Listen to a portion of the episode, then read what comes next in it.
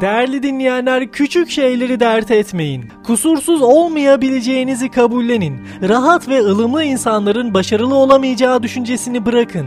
Sevgi kapasitenizi geliştirin. Kimsenin sözünü kesmeyin.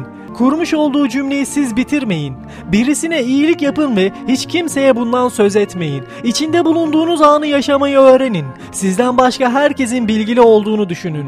Bırakın çoğu zaman başkaları haklı olsun. Sabırlı olun. Kendinize sorun. Bir yıl sonra bunun bir önemi olacak mı? Gerçeği kabul edin. Yaşam adil değildir. Her gün bir dakikanızı teşekkür edecek birisini bulmak için harcayın. Gülümseyin ve merhaba deyin insanlara. Daha iyi bir dinleyici olun. Savaşlarınızı akıllıca seçin. Gönlü bol olmayı, haklı olmaya yeğleyin. Bugün 3 kişiye onları ne çok sevdiğinizi söyleyin. Günü daha güzel hale getirmek için fırsatları kollayın. Değerli dinleyenler hepimiz aynı şekilde yaşıyoruz. Hepimiz aynı toplumun içerisinde bu hayat denen karmaşa içerisinde kaybolmuş vaziyetteyiz. Ama kendimizi bulmak için hiçbir fırsat yaratmıyoruz. Günü güzel hale getirmek için fırsatlara yer vermiyoruz. Fırsat belki ayağımıza geliyor ama biz bunu belki de hiç değerlendirmiyoruz. Daha doğrusu alışmışız bir şekilde kötü yaşamaya öyle gidiyoruz. Bunu değiştirelim bence.